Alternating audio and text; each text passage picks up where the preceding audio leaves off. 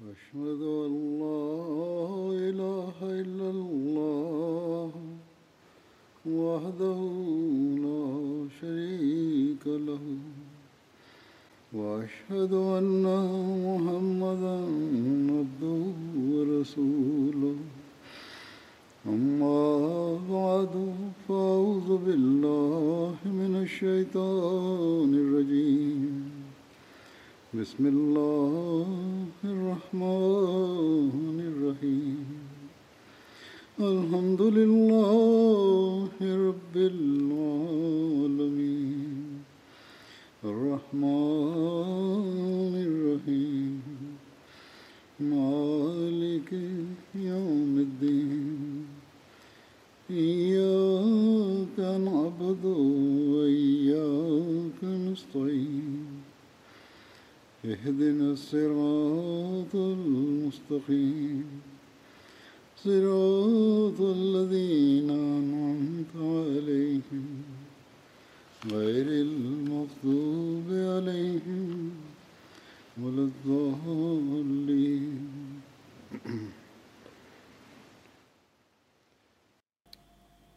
dalam menjelaskan mengenai kondisi para sahabat sebelumnya dan revolusi yang terjadi setelah mereka masuk Islam, Hadrat Muslim Ma'ud radhiyallahu anhu juga memberikan satu contoh dari Hadrat Umar radhiyallahu anhu.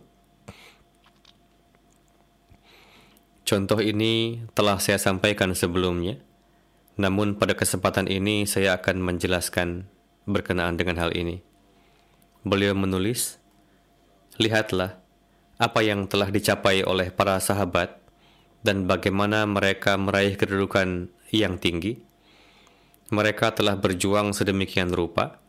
Jika tidak, mereka ini dahulunya adalah orang-orang yang menjadi musuh bebuyutan Rasulullah SAW dan biasa mencaci maki beliau. Hadrat Umar yang menjadi khalifah kedua setelah Rasulullah pada mulanya beliau sedemikian rupa kerasnya memusuhi hadrat Rasulullah sehingga keluar dari rumah untuk membunuh Rasulullah. Di jalan beliau bertemu dengan seseorang yang bertanya, "Ke mana engkau hendak pergi?" Beliau menjawab, "Aku pergi untuk membunuh Muhammad sallallahu alaihi wasallam." Ia mengatakan, "Pertama-tama bunuhlah saudari perempuan dan saudara iparmu yang telah menjadi muslim, baru kemudian bunuh Muhammad." Mendengar hal ini, beliau diliputi kemarahan dan berangkat menuju ke rumah saudari perempuan beliau. Setibanya di sana, beliau melihat pintu tertutup dan seseorang sedang membacakan Al-Quran Karim dan saudari perempuan serta saudara ipar beliau tengah menyimak. Ketika itu belum turun perintah pardah. Oleh karena itu, sahabat tersebut duduk di dalam rumah. Hadrat Umar mengetuk pintu dan mengatakan, Bukalah. Setelah mendengar suara beliau, mereka yang ada di dalam merasa takut. Beliau akan memukul mereka. Oleh karena itu, mereka tidak membuka pintu. Hadrat Umar berkata, "Jika kalian tidak membukakan pintu, aku akan mendobraknya." Hadrat Umar bertanya, "Katakan, apa yang sedang kalian lakukan tadi, dan siapa orang yang sedang membaca sesuatu tadi?" Mereka ingin menghindari beliau karena takut. Hadrat Umar berkata, "Perdengarkan kepadaku apa yang sedang kalian baca tadi." Adik perempuan beliau mengatakan, "Kamu akan melecehkannya." Oleh karena itu, sekalipun kamu memukul kami, kami tidak akan memperdengarkannya. Beliau berkata, "Tidak, saya berjanji tidak akan melecehkannya." Yakni, aku tidak akan melecehkan Al-Quran. Atas hal itu, beliau memperdengarkan Al-Quran yang dengan mendengarnya Hadrat Umar menangis dan dengan berlari pergi kepada Rasulullah dengan pedang masih di tangan. Melihat beliau, Rasulullah mengatakan, Umar, ada apa ini? Sampai kapan akan seperti ini? Mendengar ini, Hadrat Umar menangis dan berkata, Tadinya saya keluar untuk membunuh Anda, namun saya sendiri yang telah menjadi mangsa. Ini adalah ringkasan dari peristiwa keseluruhan yang telah saya sampaikan. Hadrat Muslim Ma'ud anhu bersabda, ini kondisi awal yang darinya beliau telah mengalami kemajuan. Kemudian para sahabat inilah yang sebelumnya biasa meminum minuman keras, biasa berkelahi satu sama lain, yakni beliau sedang membahas para sahabat yang lain juga, dan didapati banyak kelemahan-kelemahan pada diri mereka. Namun ketika mereka menerima hadrat Rasulullah dan berjuang serta berupaya keras demi agama, maka tidak hanya diri mereka sendiri yang berhasil mencapai derajat yang luhur, bahkan mereka menjadi sarana untuk menyampaikan orang lain pada makom yang tinggi. Mereka tidak terlahir menjadi sahabat, melainkan sama seperti yang lain. Namun, mereka melakukan amalan dan memperlihatkan gairah semangat, sehingga mereka menjadi sahabat. Hari ini, jika kita juga melakukan hal yang sama, maka kita juga bisa menjadi sahabat. Berkenaan dengan rasa takut Hadrat Umar kepada Allah Ta'ala, terdapat satu riwayat. Hadrat Umar bersabda, Jika di tepi sungai Farad ada seekor kambing yang hilang dan mati, maka saya takut Allah Ta'ala akan menanyakan mengenai hal ini kepada saya di hari kiamat. Dalam satu riwayat, dikatakan bahwa Hadrat Umar bersabda, jika di tepi sungai Farad ada seekor unta yang hilang dan mati, maka saya merasa takut Allah Ta'ala akan menanyakan mengenai hal ini kepada saya.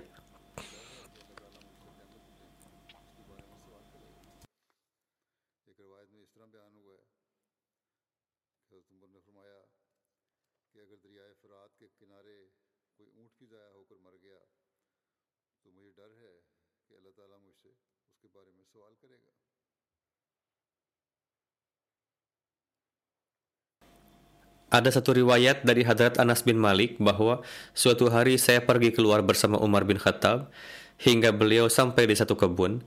Antara saya dengan beliau terhalang satu dinding. Beliau berada di dalam kebun. Pada waktu itu saya mendengar beliau berkata, Aduhai, Umar putra Khattab, engkau adalah Amirul Mukminin. Demi Allah, engkau harus takut kepada Allah. Jika tidak, dia pasti akan mengazab engkau. Pada cincin Hadrat Umar terukir kalimat berikut, Kafa bil mauti. Wa'idan ya Umar. Yakni wahai Umar cukuplah maut sebagai pemberi nasihat. Yakni jika manusia mengingat kematian maka itu adalah pemberi nasihat baginya. Dan hal ini cukup untuk menjadi untuk menjaga keadaan dirinya tetap baik. Abdullah bin Syazad menuturkan bahwa saya mendengar sedu sedan Hadrat Umar dan ketika itu saya berada di saf terakhir. Beliau menilawatkan ayat innama ashku bathi wa huzni ilallah yakni sesungguhnya hanya kepada Allah lah aku mengadukan kesedihan dan keperihanku. Hadrat Khalifatul Masih Ar-Rabi rahimahullah menyampaikan riwayat tersebut dalam satu khutbah dan menjelaskan rinciannya dalam bahasa beliau sendiri bahwa Hadrat Abdullah bin Syahzad meriwayatkan satu kali Hadrat Umar mengimami salat dan saya berada di saf terakhir, namun saya mendengar suara rintihan tangisan Hadrat Umar. Beliau menilawatkan, Innama ashku bathi wa huzni ilallah, yakni hanya ke kehadapan Allah lah aku mencurahkan seluruh kesedihanku. Aku tidak perlu mencurahkannya ke hadapan yang lain. Alhasil, mereka yang larut dalam zikir ilahi, ia tidak mendapat bukti yang lain selain singgasana Allah Ta'ala, di mana ia menangis mencurahkan kesedihan dan kedukaannya dan meringankan beban di dadanya. Perawi mengatakan bahwa saya berada di saf belakang, namun saya bisa mendengar suara gemuruh dari dada Hadrat Umar hingga ke tempat saya berada. Mengenai bagaimana Hadrat Umar memperhatikan para pengkhidmat dan orang-orang yang melakukan pengorbanan yang sudah sepuh, terdapat satu riwayat Salabah bin Abu Malik meriwayatkan bahwa Hadrat Umar bin Khattab radhiyallahu anhu membagikan selendang kepada beberapa wanita penduduk Madinah. Ada beberapa selendang yang bagus, tetapi hanya satu yang tersisa. Salah seorang yang ada di samping beliau mengatakan, "Wahai Amirul Mukminin, berikanlah ini kepada putri Rasulullah yang berada di samping Anda." Maksudnya adalah Hadrat Ummi Kulsum, putri Hadrat Ali radhiyallahu anhu Hadrat Umar bersabda, tidak, Ummu Salih radhiyallahu anha lebih berhak atasnya. Beliau bersabda, Hadrat Ummu Salih termasuk di antara para wanita Ansar yang bayat kepada Rasulullah. Hadrat Umar bersabda, pada perang Uhud, beliau membawakan kantung-kantung air untuk kami. Kemudian terdapat juga satu riwayat mengenai bagaimana sikap baik beliau terhadap kerabat dari orang-orang yang telah memberikan pengorbanan. Zaid bin Aslam meriwayatkan dari ayahnya bahwa saya pergi ke pasar bersama Hadrat Umar bin Khattab radhiyallahu anhu. seorang wanita muda menemui Hadrat Umar dari belakang dan berkata, Wahai Amirul Mukminin, suami saya telah wafat dan meninggalkan anak yang masih kecil-kecil. Demi Allah, mereka tidak memiliki kaki kambing sekalipun. Tidak juga memiliki ladang, tidak juga hewan yang menghasilkan susu. Saya takut mereka tidak bisa makan di tahun paceklik. Saya adalah putri dari Khafaf bin Ima Ghifari dan ayahanda saya hadir bersama Rasulullah di Hudaybiyah. Mendengar hal ini, Hadrat Umar berhenti dan tidak melangkah ke depan. Hadrat Umar berkata, Aduhai, sungguh hubungan yang sangat dekat. Setelah itu beliau pulang dan membawa seekor unta yang sehat yang terikat di rumah dan mengisi dua karung dengan biji-bijian, lalu memuatkannya di atas unta. Di tengahnya beliau menaruh uang untuk biaya hidup setahun penuh serta pakaian. Kehidupan beliau memberikan tali penuntun unta tersebut kepada wanita tadi dan bersabda, Bawalah ini, ini tidak akan habis, Allah Ta'ala akan memberikan lebih banyak lagi kepadamu. Seseorang berkata, Wahai Amirul Mukminin, Anda telah memberikan begitu banyak kepadanya. Hadrat Umar bersabda, Ibumu kehilanganmu. Yakni, beliau mengungkapkan kemarahan bahwa demi Allah, sekarang pun saya masih melihat ayah dan saudaranya mengepung satu benteng hingga beberapa waktu, yang mana akhirnya mereka menaklukkannya. Lalu setelah itu, pada pagi hari kami membagikan bagian mereka berdua di antara kami, yakni seluruh orang-orang Islam mendapatkan ghanimah dari benteng yang mereka berdua taklukan itu, seolah-olah kami membagikan dari bagian mereka. Alhasil, itulah alasannya mengapa menjadi haknya untuk diberikan sesuatu. Mengenai bagaimana beliau memperhatikan para wanita dan orang-orang yang sudah sepuh, uzur, dan membutuhkan, terdapat satu riwayat, Hadrat Talha radhiallahu anhu meriwayatkan bahwa satu kali Hadrat Umar keluar dari rumah di kegelapan malam.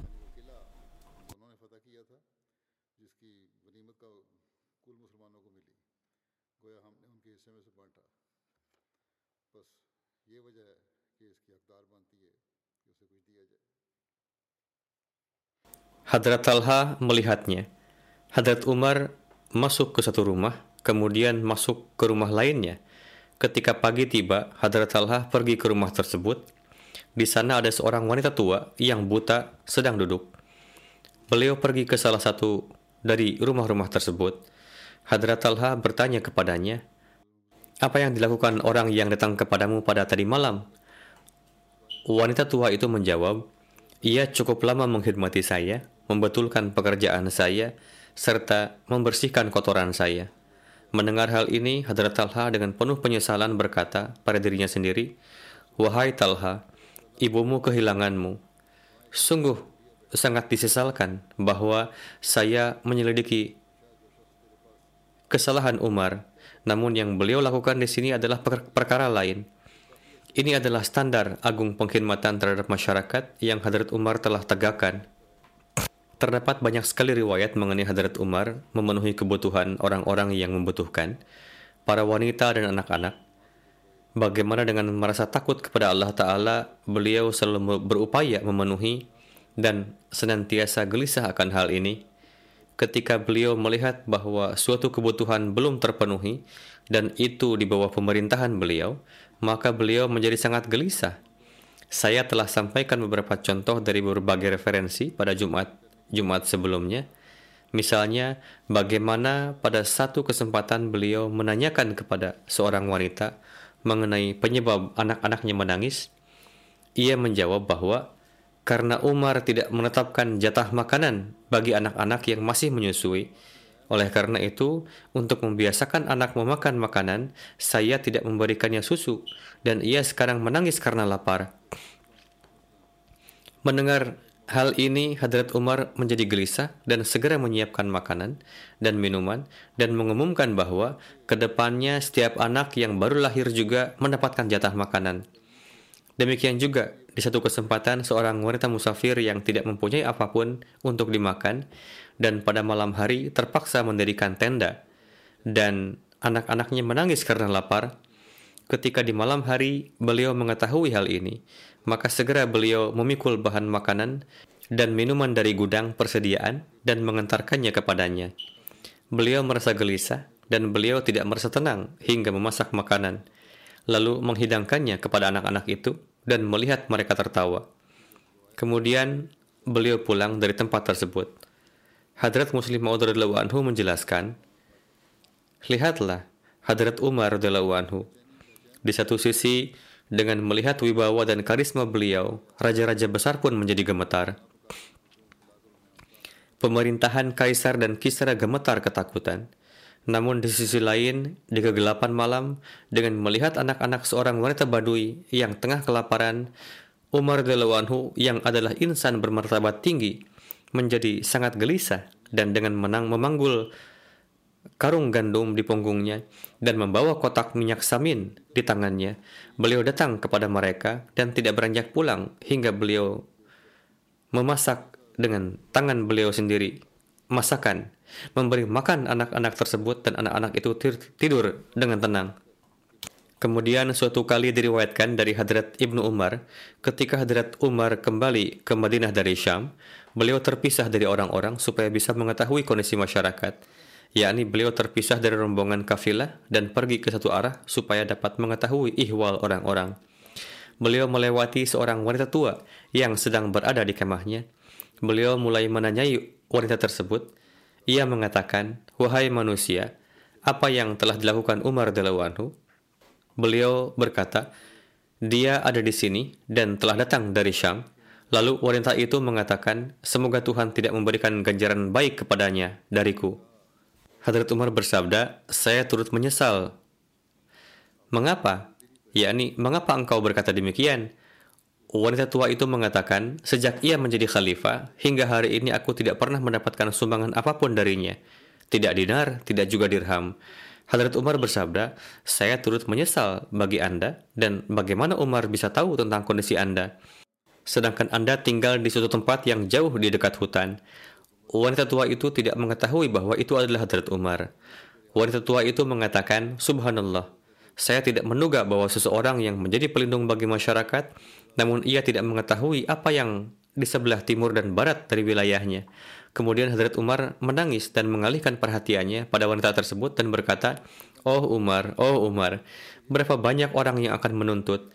Setiap orang memiliki pemahaman agama yang lebih darimu. Wahai Umar. Kemudian Hadrat Umar bersabda kepadanya, Saya ingin menyelamatkan Umar dari jahanam. Maka katakanlah, berapa Anda akan menjual hak sebagai orang yang terzalimi? Wanita itu mengatakan, Janganlah bercanda denganku. Semoga Tuhan mengasihi Anda. Hadrat Umar bersabda, ini bukanlah candaan. Hadrat Umar bersikeras terhadapnya hingga beliau membeli haknya sebagai yang terzalimi itu seharga 25 dinar. Peristiwa ini masih berlangsung ketika Hadrat Ali bin Abi Talib dan Hadrat Abdullah bin Mas'ud tiba dan keduanya mengucapkan Assalamualaikum wahai Amirul Mukminin Wanita itu meletakkan tangannya di atas kepalanya dan mengatakan, Semoga Allah memberkati. Aku telah mengatakan hal yang buruk terhadap Amirul Mukminin langsung di hadapannya. Lalu Amirul Mukminin mengatakan kepadanya, Anda tidak bersalah. Semoga Allah telah mengasihi Anda. Kemudian Hadrat Umar meminta sepotong kulit supaya bisa menulis di atasnya, namun tidak ada. Kemudian beliau memotong sebagian dari kain penutup yang beliau kenakan dan menulis Bismillahirrahmanirrahim. Ini adalah surat keterangan bahwa Umar pada hari ini telah membeli dari hak wanita ini hak sebagai yang terzalimi sejak Umar menjadi penguasa hingga hari ini senilai 25 dinar. Jika ia di padang mahsyar berdiri di hadapan Allah Ta'ala dan mengajukan tuntutan, maka Umar terbebas darinya. Ali bin Abi Talib dan Abdullah bin Mas'ud menjadi saksi atas hal ini. Kemudian beliau memberikan dokumen itu kepada Hadrat Ali dan bersabda, jika saya berlalu dari dunia ini, mendahului Anda, letakkanlah ini di dalam kain kafan saya. Kita lihat bagaimana standar yang dimiliki orang-orang sekarang yang dalam mencari pasangan bagi putra-putri mereka tentang bagaimana standar yang dimiliki Hadrat Umar dalam hal ini terdapat satu riwayat diriwayatkan oleh Hadrat Aslam yang telah dimerdekakan oleh Hadrat Umar. Pada suatu malam, saya berkeliling di Madinah bersama Amirul Mukminin. Lalu beliau bersandar pada satu dinding untuk beristirahat beberapa saat lamanya. Hadrat Umar mendengar ada seorang wanita tua yang tengah bersandar di balik dinding rumah itu. Di dalam rumah, putrinya berkata kepada sang ibu, Tidakkah ibu mengetahui bahwa utusan Amirul Mukminin telah mengumumkan agar jangan mencampurkan air ke dalam susu? Ibunya berkata, Amirul Mukminin sedang tidak ada di sini. Begitu juga utusan beliau. Putrinya berkata, Demi Tuhan, tidaklah ini patut bagi kita. Bahwa di depan beliau kita taat, sementara itu secara diam-diam kita menentangnya. Mendengarnya, Hadrat Umar sangat gembira dan bersabda kepada temannya, Wahai Aslam, berilah tanda di pintu rumah ini. Di hari berikutnya, Hadrat Umar mengirim seseorang untuk menikahkan perempuan itu dengan putranya, Asim. Melihat kejujuran dan budi pekertinya lah, beliau menjodohkan putranya dengan perempuan itu. Darinya, Asim memiliki seorang anak perempuan, dan Hadrat Umar bin Abdul Aziz adalah keturunan dari perempuan itu. Di dalam satu riwayat, Salma menyampaikan, Satu ketika, saya melewati pasar dan melihat Hadrat Umar yang tengah berlalu untuk suatu pekerjaan. Hadrat Umar membawa cambuk di tangannya. Hadrat Umar bersabda, Wahai Salma, menepilah dari jalan.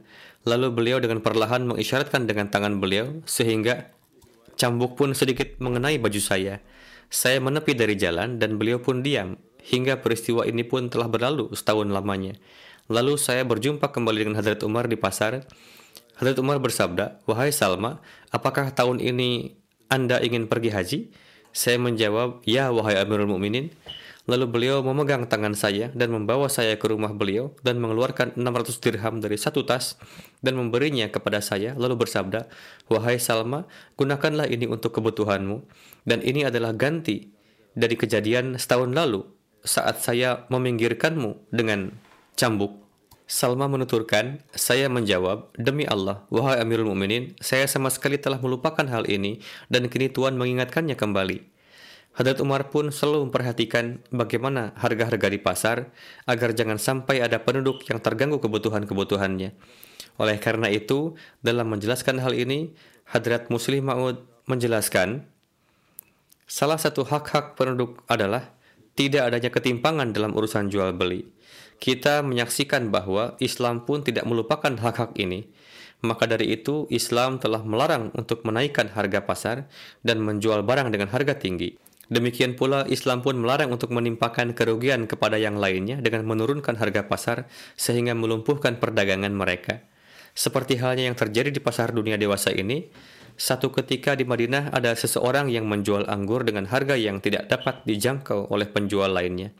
Hadrat Umar lewat di dekat orang itu, lalu beliau memarahinya karena dengan cara tersebut para penjual yang lain pun menjadi rugi. Alhasil, Islam pun melarang menjual dengan harga tinggi serta melarang menurunkan harga pasar supaya jangan sampai menimpakan kerugian baik kepada pedagang maupun orang banyak. Amir menuturkan bahwa ada seseorang yang bertemu dengan Hadrat Umar dan berkata, saya pernah memiliki satu anak perempuan yang pernah dikuburkan di masa jahiliyah, tetapi saya mengangkatnya sebelum kematiannya. Ketika ia memeluk Islam, ia melampaui salah satu batas dari batasan yang telah ditetapkan Allah Ta'ala. Ia melakukan kesalahan sehingga melampaui batas. Ia pun mengambil pisau supaya ia dapat membunuh dirinya sendiri. Saya mendapatinya saat itu telah memotong sedikit urat nadinya. Kemudian saya mengobatinya hingga ia pun sembuh. Setelah itu ia pun bertobat dengan sungguh-sungguh. Wahai Amirul Mukminin, saat ini telah datang kepada saya lamaran menikah untuknya. Ada yang hendak melamarnya. Apakah saya harus menyampaikan perkara yang telah lalu ini kepadanya, yaitu bagaimana kehidupannya sebelum ini, apa saja yang pernah terjadi dengannya, dan apa yang pernah ia lakukan dengan dirinya? Hadrat Umar bersabda kepadanya, Allah Ta'ala telah menutupi aibnya, sementara Anda ingin menampakkannya. Demi Allah, seandainya Anda menyampaikan tentang hal ini kepada siapa pun juga, maka saya akan menjadikan Anda sebagai suatu tanda atau pelajaran di hadapan segenap penduduk kota. Jadi, nikahkanlah ia seperti halnya seorang wanita muslim yang suci dan lupakanlah hal-hal tersebut. Tentang bagaimana kekhawatiran Hadrat Umar terhadap keselamatan jiwa segenap orang dari wabah amwas, tertera bahwa ada sebuah lembah bernama Amwas yang terletak 6 mil dari jalan antara Ramallah menuju Baitul Maqdis. Tertera di buku-buku sejarah bahwa wabah penyakit tersebut bermula dari tempat ini lalu menyebar di negeri Syam. Oleh karena itulah wabah ini disebut wabah amwas. Akibat wabah ini tidak terhitung korban yang meninggal. Sebagian berpendapat bahwa ada sekitar 25.000 orang yang telah meninggal. Pada tahun 17 Hijriah, Hadrat Umar pergi ke Syam. Setiba beliau di Sarg, beliau bertemu dengan para pemimpin pasukan. Sarg adalah nama sebuah desa di lembah Tabuk yang berada di daerah perbatasan Syam dengan Hijaz. Hadrat Umar mendapatkan kabar bahwa telah menyebar suatu penyakit di dataran Amwas. Maka setelah bermusyawarah, Hadrat Umar kembali dari sana. Rincian tentang peristiwa ini terdapat di riwayat berikut di Sahih Bukhari. Beberapa hal tentang peristiwa ini pernah dijelaskan sebelumnya berdasarkan riwayat yang lain. Hadrat Abdullah bin Abbas menyampaikan, ketika Hadrat Umar tiba di tempat bernama Sarg, beliau melakukan pertemuan dengan para pemimpin pasukan yaitu Hadrat Abu Ubaidah bersama rekan-rekan beliau. Mereka menyampaikan kepada Hadrat Umar bahwa di negeri Syam mulai melanda wabah taun. Hadrat Umar lalu memanggil golongan muhajirin awal dan meminta pendapat dirinya. Setelah Hadrat Umar bermusyawarah dengan mereka, timbul perbedaan pendapat di antara kaum muhajirin. Sebagian berpendapat bahwa hendaknya jangan mundur dari tempat itu, dan sebagian mengatakan bahwa dalam pasukan tersebut terdapat para sahabat Rasulullah dan tidaklah layak memasukkan mereka ke dalam wabah itu.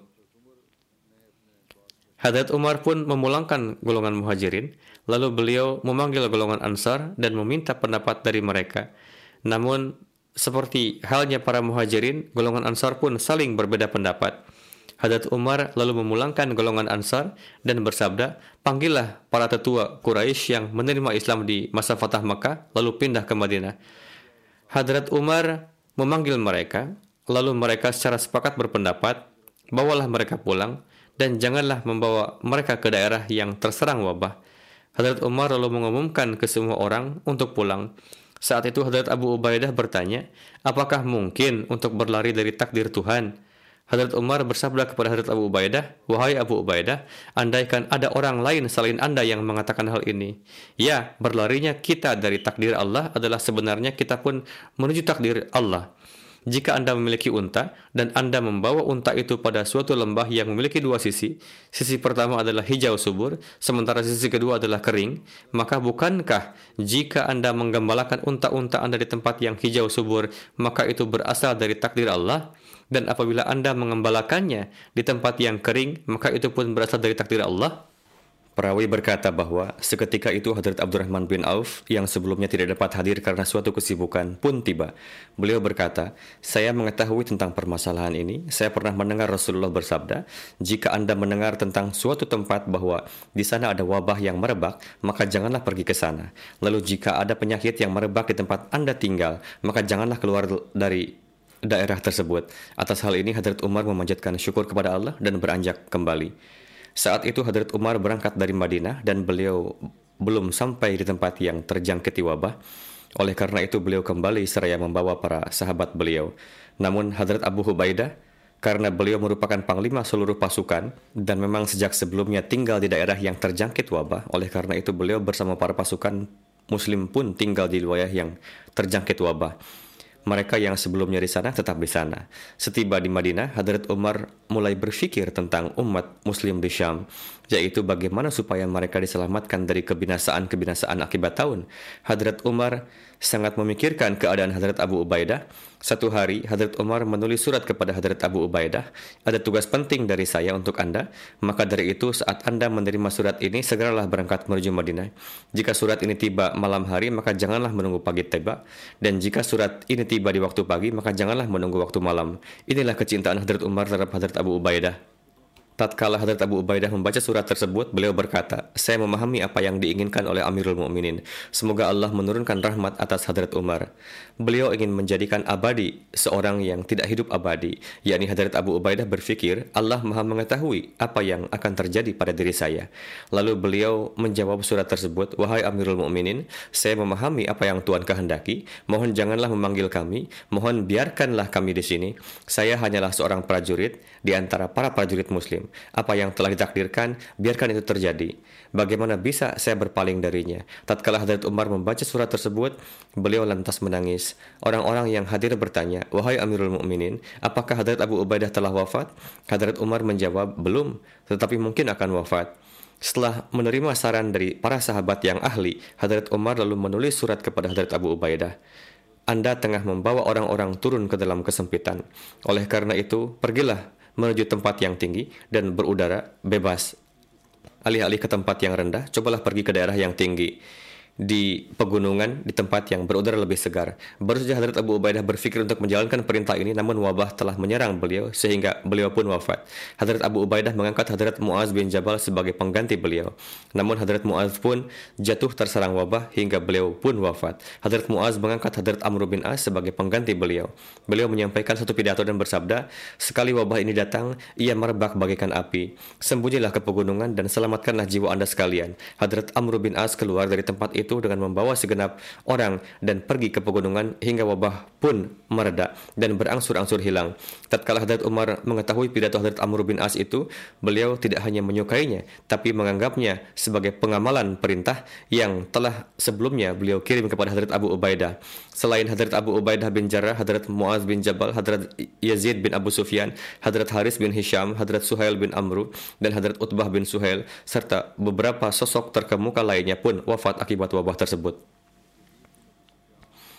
Hadrat Muslim Ma'ud dalam menyampaikan tentang kepulangan Hadrat Umar karena adanya wabah amwas, di satu tempat beliau menjelaskan, Ketika terjadi peperangan di Syam dan muncul wabah di sana, Hadrat Umar pun pergi ke sana.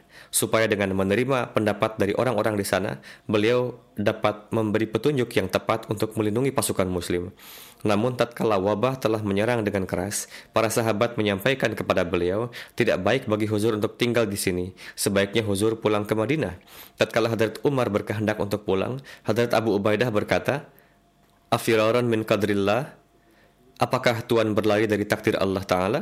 Hadrat Umar dengan segera menjawab, Naam, nafirru min qadrillah ila qadrillah. Ya, kita lari dari satu takdir Allah Ta'ala menuju takdir Allah yang lain. Alhasil, tidaklah diperbolehkan untuk meninggalkan sarana-sarana duniawi. Ia hendaknya menjadikan sarana-sarana duniawi sebagai pengikut agama. Beberapa peristiwa tentang pengabulan doa Hadrat Umar, Hadrat Khawaz bin Jubair berkata, di masa kekhalifahan Hadrat Umar, orang-orang menghadapi kemarau yang keras. Hadrat Umar lalu keluar bersama orang-orang dan memimpin salat istisqa sebanyak dua rakaat. Lalu beliau menyilangkan selendang beliau pada kedua pundak beliau Beliau meletakkan bagian kanan selendang beliau ke pundak kiri beliau dan beliau meletakkan bagian kiri selendang beliau ke pundak bagian kanan, yakni beliau melipatnya di pundak. Lalu beliau mengangkat tangan beliau untuk berdoa seraya berkata, Allahumma inna nastaghfiruka wa nastasqika yakni wahai Allah Azza wa Jalla, sesungguhnya kami memohon ampunan kepada engkau dan memohon turunnya hujan. Baru saja beliau berdoa dan beliau beranjak dari tempat beliau, sementara hujan pun mulai turun. Perawi menuturkan, orang-orang yang berasal dari desa lalu datang menemui Hadrat Umar dan berkata, Wahai Amirul Mukminin, pernah suatu hari, suatu saat tatkala kami ada di lembah tempat kami tinggal dan saat itu ada awan menaungi kami, kami mendengar suatu suara dari dalamnya, hujan Abu Hafs mendatangimu, Abu Hujan Abu Hafs mendatangimu. Salah satu peristiwa pengabulan doa beliau adalah tentang mengalirnya kembali sungai Nil. Diterangkan bahwa dahulu ketika sungai Nil mengering, orang-orang di sana sebelum Islam menjalani sebuah ritual, di mana apakah ritual tersebut memang berpengaruh atau tidak, Allah yang lebih mengetahui, dan Islam datang mengakhiri ritual tersebut terkait peristiwa bagaimana berakhirnya ritual tersebut diterangkan sebagai berikut. Diriwayatkan dari Qais bin Hijaj bahwa tatkala Mesir ditaklukkan suatu hari di suatu bulan, penduduk non-Arab di sana pergi menemui Hadrat Amr bin As. Orang-orang tersebut berkata, "Wahai Amir, ada satu ritual yang kami miliki untuk Sungai Nil yang tanpanya Sungai Nil ini tidak mengalir." Hadrat Amr bertanya, Apakah itu? Mereka menjawab, ketika malam ke-11 di bulan ini berlalu, maka kami pergi ke tempat seorang gadis di hadapan kedua orang tuanya, lalu kami meminta restu orang tuanya, lalu memakaikannya dengan pakaian terbaik dan memberinya perhiasan-perhiasan, kemudian kami memasukkannya ke dalam sungai Nil. Hadrat Amru berkata kepada mereka, hal ini tidak akan pernah ada di dalam Islam. Sesungguhnya Islam mengakhiri segenap ritual-ritual yang ada sebelumnya. Kemudian mereka pun tinggal di sana dan saat itu sungai Nil sama sekali tidak mengalir hingga orang-orang pun telah berketetapan untuk keluar dari negeri mereka, yakni ritual itu harus dilakukan sebelumnya. Pada akhirnya terjadi di mana sungai Nil pun telah kering. Orang-orang lalu berkeinginan untuk keluar dari sana, meninggalkan tempat itu. Ketika Hadrat Amru melihat keadaan ini, beliau menulis surat kepada Hadrat Umar bin Khattab tentang hal ini. Hadrat Umar menulis jawaban berikut kepada Hadrat Amru bin As, apa yang Anda sampaikan itu adalah benar. Sudah barang tentu Islam membersihkan semua tradisi-tradisi tidak baik seperti itu. Beliau memasukkan catatan kecil dalam surat lalu mengirimnya. Hadrat Umar menulis kepada Hadrat Amru, saya telah mengirimkan surat untukmu dan di dalam surat tersebut terdapat satu catatan kecil. Masukkanlah catatan itu ke dalam sungai Nil. Ketika surat Hadrat Umar tiba di tangan Hadrat Amru, beliau membuka catatan kecilnya di dalamnya tertulis, dari hamba Allah Umar bin Khattab Amirul Mukminin ditujukan kepada sungai Nil Mesir. Amma ba'du, jika engkau mengalir dengan sendirinya, maka janganlah mengalir. Namun, jika Allah Ta'ala lah yang mengalirkanmu, maka aku berdoa kepada Allah yang Maha Esa dan Perkasa agar dia mengalirkanmu. Lalu Hadrat Amru memasukkan catatan kecil tersebut ke dalam sungai Nil sehari sebelum perayaan salib. Ketika pagi tiba, dalam satu malam saja, Allah Ta'ala mengalirkan sungai Nil lebih dari 16 tangan. Dengan begitu Allah Ta'ala mengakhiri tradisi buruk bangsa Mesir tersebut. Dalam banyak buku sejarah terdapat banyak pendapat yang membenarkan peristiwa tersebut. Namun seorang penulis riwayat Hadrat Umar bernama Muhammad Hussein Haikal membantah kebenaran peristiwa tersebut. Ia berpendapat tidak ada tradisi seperti itu. Alhasil, ini merupakan satu peristiwa berkenaan dengan peristiwa terdengarnya suara Hadrat Umar oleh Hadrat Syariah yang sedang dalam peperangan. Sebelum ini pun telah disampaikan, namun saya sampaikan lagi di sini kaitannya dengan pengabulan doa beliau dan bagaimana perlakuan khas Allah Ta'ala kepada beliau. Dalam tarikh Tabari, Hadrat Umar mengirim Hadrat Syariah bin Zunaim ke kota Fasa dan Dara Bajir. Setiba di sana, beliau mengepung orang-orang di sana dan memanggil teman-teman sekutunya di sana untuk membantunya. Orang-orang itu lalu bersatu di padang pasir untuk melawan pasukan muslim. Tatkala jumlah mereka lebih banyak, mereka pun mengepung umat muslim di segala arah. Saat itu Hadrat Umar tengah menyampaikan khutbah Jumat dan beliau lantas berseru, Ya Sariyah bin Zunaim al-Jabal al-Jabal. Wahai Sariyah bin Zunaim, ke gunung, ke gunung. Saat itu ada sebuah gunung yang berada di dekat pemukiman pasukan muslim. Jika mereka berlindung di sana, musuh hanya akan dapat menyerang dari satu arah saja. Alhasil, mereka pun berlindung di satu sisi gunung, lalu mereka bertempur dan mampu mengalahkan musuh dan mendapatkan banyak sekali harta ghanimah. Hadrat Musi Maud salam pun menjelaskan peristiwa tersebut. Beliau bersabda, Seringkali terjadi hal-hal yang luar biasa yang dialami oleh para sahabat, Kutipan sabda Hadrat Masih Maud salam selengkapnya berkenaan dengan hal ini telah saya sampaikan pada khutbah terdahulu. Jika kita melihat peristiwa mengalirnya kembali sungai Nil, tidaklah mustahil bahwa kejadian itu adalah benar adanya, namun ada sebagian sejarawan yang membantah kebenarannya. Berkenaan dengan keberkatan peci Hadrat Umar dan Kaisar Romawi, terdapat satu peristiwa yang disampaikan oleh Hadrat Muslim Maud. Pada zaman Hadrat Umar, Suatu ketika Kaisar Romawi terjangkit sakit kepala yang luar biasa. Meskipun melakukan berbagai pengobatan, namun tak kunjung membaik, ada seseorang yang menyarankan kepada sang kaisar untuk menulis surat kepada Hadrat Umar untuk menyampaikan kondisi kesehatan dan sampaikanlah supaya dikirimkan sesuatu sebagai tabarruk. Hadrat Umar akan mendoakan Anda dan juga mengirimkan tabarruk untuk Anda. Berkat doanya, Anda akan mendapatkan kesembuhan Sang kaisar mengutus utusannya untuk menemui Hadrat Umar. Hadrat Umar beranggapan bahwa mereka adalah orang-orang takabur, untuk itu tidak mungkin akan datang menjumpai saya. Namun saat itu kaisar tengah mendapatkan musibah dan mengirimkan utusannya kepada saya. Hadrat Umar berpikir, jika saya mengirimkan tabaruk untuknya, maka mungkin saja kaisar akan menganggapnya hina dan tidak akan menggunakannya. Untuk itu saya seharusnya mengirimkan sesuatu yang bisa menjadi tabaruk dan mematahkan ketakaburannya juga. Untuk itu, Hadrat Umar mengirimkan peci yang sudah dipenuhi dengan noda, kucel, dan sudah menghitam warnanya. Sebagai tabaruk, ketika sang kaisar melihat pecinya, ia sangat kecewa dan tidak mau mengenakan peci tersebut. Namun Allah Ta'ala ingin memberitahukan padanya bahwa sekarang hanya melalui Muhammad Rasulullah SAW lah kamu akan mendapatkan keberkatan. Begitu dahsyat sakit kepala yang menjangkitnya sehingga ia memerintahkan pelayannya untuk membawakan peci kiriman Hadrat Umar untuk dikenakan di kepalanya. Lalu ia mengenakan pecinya dan memang benar sakitnya seketika hilang.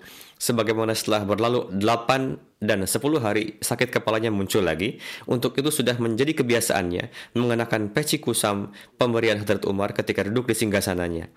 Hadrat Muslim Maud bersabda, tanda yang Tuhan perlihatkan ini di dalamnya terdapat satu hal lain yang tersembunyi, yakni ada seorang sahabat Rasulullah yang menjadi tahanan kaisar. Kaisar memerintahkan agar sahabat tersebut diberi makan daging babi. Sang sahabat bertahan dari rasa lapar daripada harus memakan daging babi. Sekalipun Islam mengizinkan umatnya untuk memakan daging babi untuk tujuan menyambung hidup ketika kelaparan, namun sang sahabat mengatakan bahwa aku adalah sahabat Rasulullah dan tidak mungkin melakukan hal itu. Ketika sahabat tersebut akan wafat karena tidak makan selama berhari-hari, maka kaisar memberinya roti. Namun setelah ada tenaga lagi untuk hidup, diperintahkan lagi kepada sang sahabat untuk memakan daging babi. Dengan begitu, mereka tidak membiarkan sahabat tersebut meninggal dan tidak juga hidup. Seseorang mengatakan kepada kaisar bahwa yang menjadi penyebab sakit kepala yang menimpanya adalah Anda memenjarakan orang muslim ini. Sebagai obatnya, mintalah doa kepada Umar dan mintakanlah tabaruk darinya. Ketika Hadrat Umar mengirimkan pecinya, lalu sakit kepalanya menjadi hilang, begitu besar pengaruhnya bagi sang kaisar, sehingga ia memerintahkan untuk membebaskan sahabat yang dipenjara tadi. Coba perhatikan bagaimana kaisar yang selalu menyiksa sahabat tadi, lalu bagaimana Allah telah memberikan sakit kepala kepadanya sebagai hukumannya.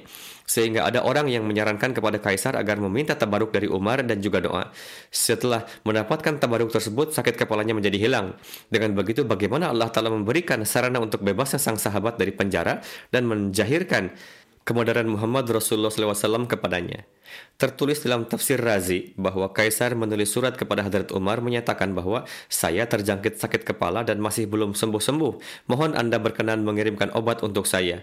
Hadrat Umar mengirimkan peci beliau untuk sang Kaisar. Seketika Kaisar mengenakan peci tersebut di kepalanya, sakit kepalanya hilang. Seketika membuka peci tersebut dari kepalanya, sakitnya muncul lagi. Kaisar terheran, heran akan hal itu, lalu ia mencari-cari di dalam peci dan menemukan satu lembar kertas yang di atasnya tertulis Bismillahirrahmanirrahim. Tafsir Razi Hadrat Amru bin Maimun meriwayatkan, Hadrat Umar biasa memanjatkan doa, Allahumma tawaffani ma'al abrar, wa la tukhallifni fil ashrari, wa qini azaban nari, wa bil akhyar. Ya Allah, wafatkanlah aku bersama dengan orang-orang yang baik. Jangan tinggalkan aku di tengah-tengah orang-orang buruk. Selamatkanlah aku dari azab api. Himpunkanlah aku bersama dengan orang-orang saleh. Yahya bin Sa'id bin Musayyab meriwayatkan, Sepulangnya dari Mina, Hadrat Umar bin Khattab mendudukan untanya di Abtah, lalu membuat satu tumpukan batu di lembah Bathan, lalu menggelar satu ujung kainnya, lalu berbaring.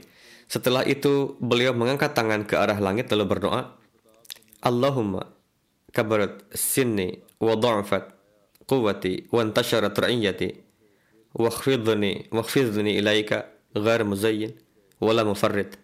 Ya Allah, umurku semakin bertambah, kekuatanku semakin berkurang, penglihatanku semakin menyebar. Engkau wafatkanlah aku tanpa menyia-nyiakan dan mengurangi. Belum lagi berakhir bulan Zulhijjah, beliau diserang dan syahid. Hadrat Ibnu Umar meriwayatkan, pada masa kekeringan Hadrat Umar melakukan sesuatu yang baru yang sebelumnya tidak biasa beliau lakukan, yakni setelah mengimami salat Isya, lalu beliau masuk ke rumah, lalu melakukan salat terus-menerus hingga subuh. Kemudian beliau keluar rumah dan berkeliling di sekitar Madinah. Pada waktu sahur di suatu malam, saya pernah mendengar Hadrat Umar bersabda, Allahumma la taj'al halaka ummati Muhammadin ala yadai Artinya, ya Allah, janganlah engkau membiarkan umat Rasulullah masuk ke dalam kehancuran disebabkan oleh tanganku. Hadrat Khalifatul Masih Awal radhiyallahu anhu bersabda, manusia hendaknya beribadah secara murni demi Allah Ta'ala. Selanjutnya janganlah memperdulikan hal itu sekalipun orang lain menganggapnya buruk ataupun baik.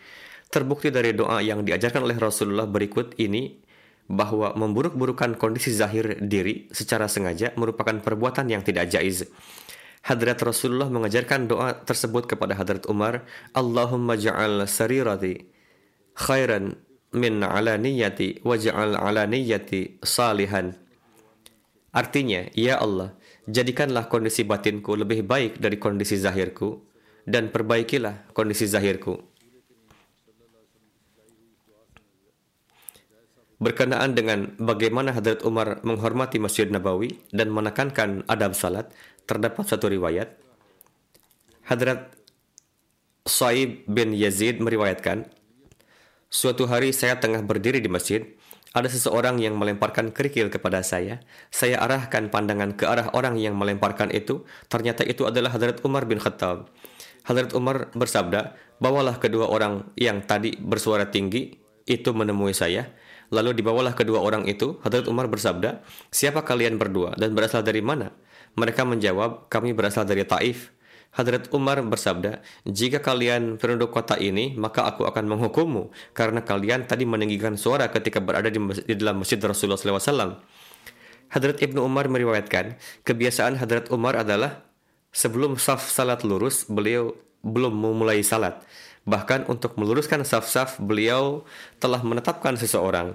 Abu Usman Nahdi berkata, saya melihat Hadrat Umar ketika komat dikumandangkan, beliau menghadap ke arah makmum dan bersabda, Wahai Fulan, kamu majulah. Wahai Fulan, mundurlah. Yakni beliau terlebih dahulu meluruskan saf-saf. Jika saf-saf sudah lurus, lalu beliau menghadap ke kiblat dan mengucapkan takbir. Berkenaan dengan pengorbanan harta dan pembelanjaan harta yang beliau lakukan di jalan Allah Ta'ala, terdapat satu riwayat, sebetulnya masih banyak riwayat lainnya. Hadrat Ibnu Umar meriwayatkan, Hadrat Umar bin Khattab pernah mendapatkan beberapa lahan tanah di Khaybar, lalu beliau datang menjumpai Rasulullah untuk meminta nasihat perihal tanah tersebut. Beliau radhiyallahu berkata, "Wahai Rasulullah, saya telah mendapatkan sebidang tanah di Khaybar Menurut hemat saya, saya tidak pernah mendapatkan harta kekayaan yang lebih baik dari ini sebelumnya. Apa nasihat huzur berkenaan dengan ini? Rasulullah bersabda, jika jika kamu menghendaki, kamu bisa mewakafkan tanah yang inti, lalu belanjakanlah penghasilan yang didapatkan darinya untuk fakir miskin. Nafi berkata, lalu Hadrat Umar memberikannya sebagai sedekah dengan syarat agar tidak dijual dan tidak juga dihibahkan kepada orang lain dan tidak juga dibagikan kepada ahli waris. Lalu Hadrat Umar mewakafkan tanah tersebut untuk orang-orang yang membutuhkan, karib kerabat, untuk membebaskan budak belian di jalan Allah, untuk para musafir, dan untuk para tamu. Adapun bagi para pengawas tanah diperbolehkan untuk memakan sebagian di antaranya sesuai dengan aturan dan juga memberi makan kepada orang lain, namun janganlah untuk menghimpun harta. Kapan pun mendapatkan kesempatan, Hadrat Umar berusaha untuk depan dalam berkorban harta. Bahkan ketika mendapatkan kesempatan untuk berkorban harta atas himbauan Rasulullah, beliau mengorbankan setengah dari keseluruhan harta beliau. Riwayat tersebut telah dijelaskan sebelumnya.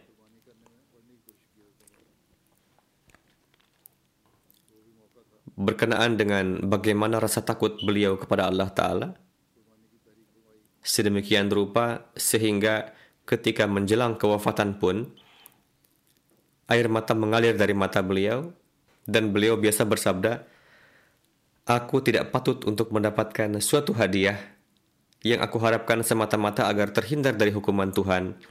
Demikianlah rasa takut yang ada di dalam diri beliau kepada Allah Ta'ala. Masih tersisa sedikit lagi yang insya Allah akan disampaikan lain kali. Insya Allah Ta'ala.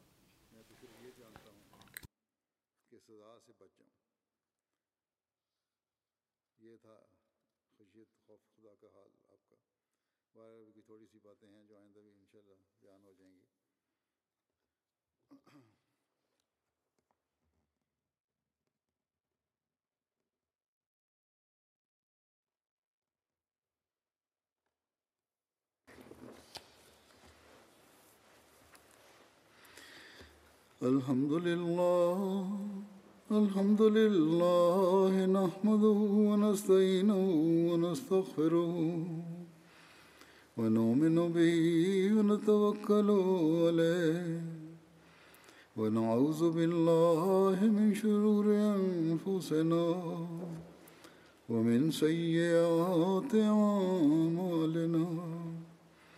من يهده الله فلا مضل له ومن يضلل فلا هادي له ونشهد أن لا إله إلا الله ونشهد أن محمدا عبده ورسوله عباد الله رحمكم الله إن الله يأمر بالعدل والإحسان وإيتاء ذي القربى وينهى عن الفحشاء والمنكر والبغي يعظكم لعلكم تذكرون اذكروا الله يذكركم وادعوه يستجب لكم ولذكر الله أكبر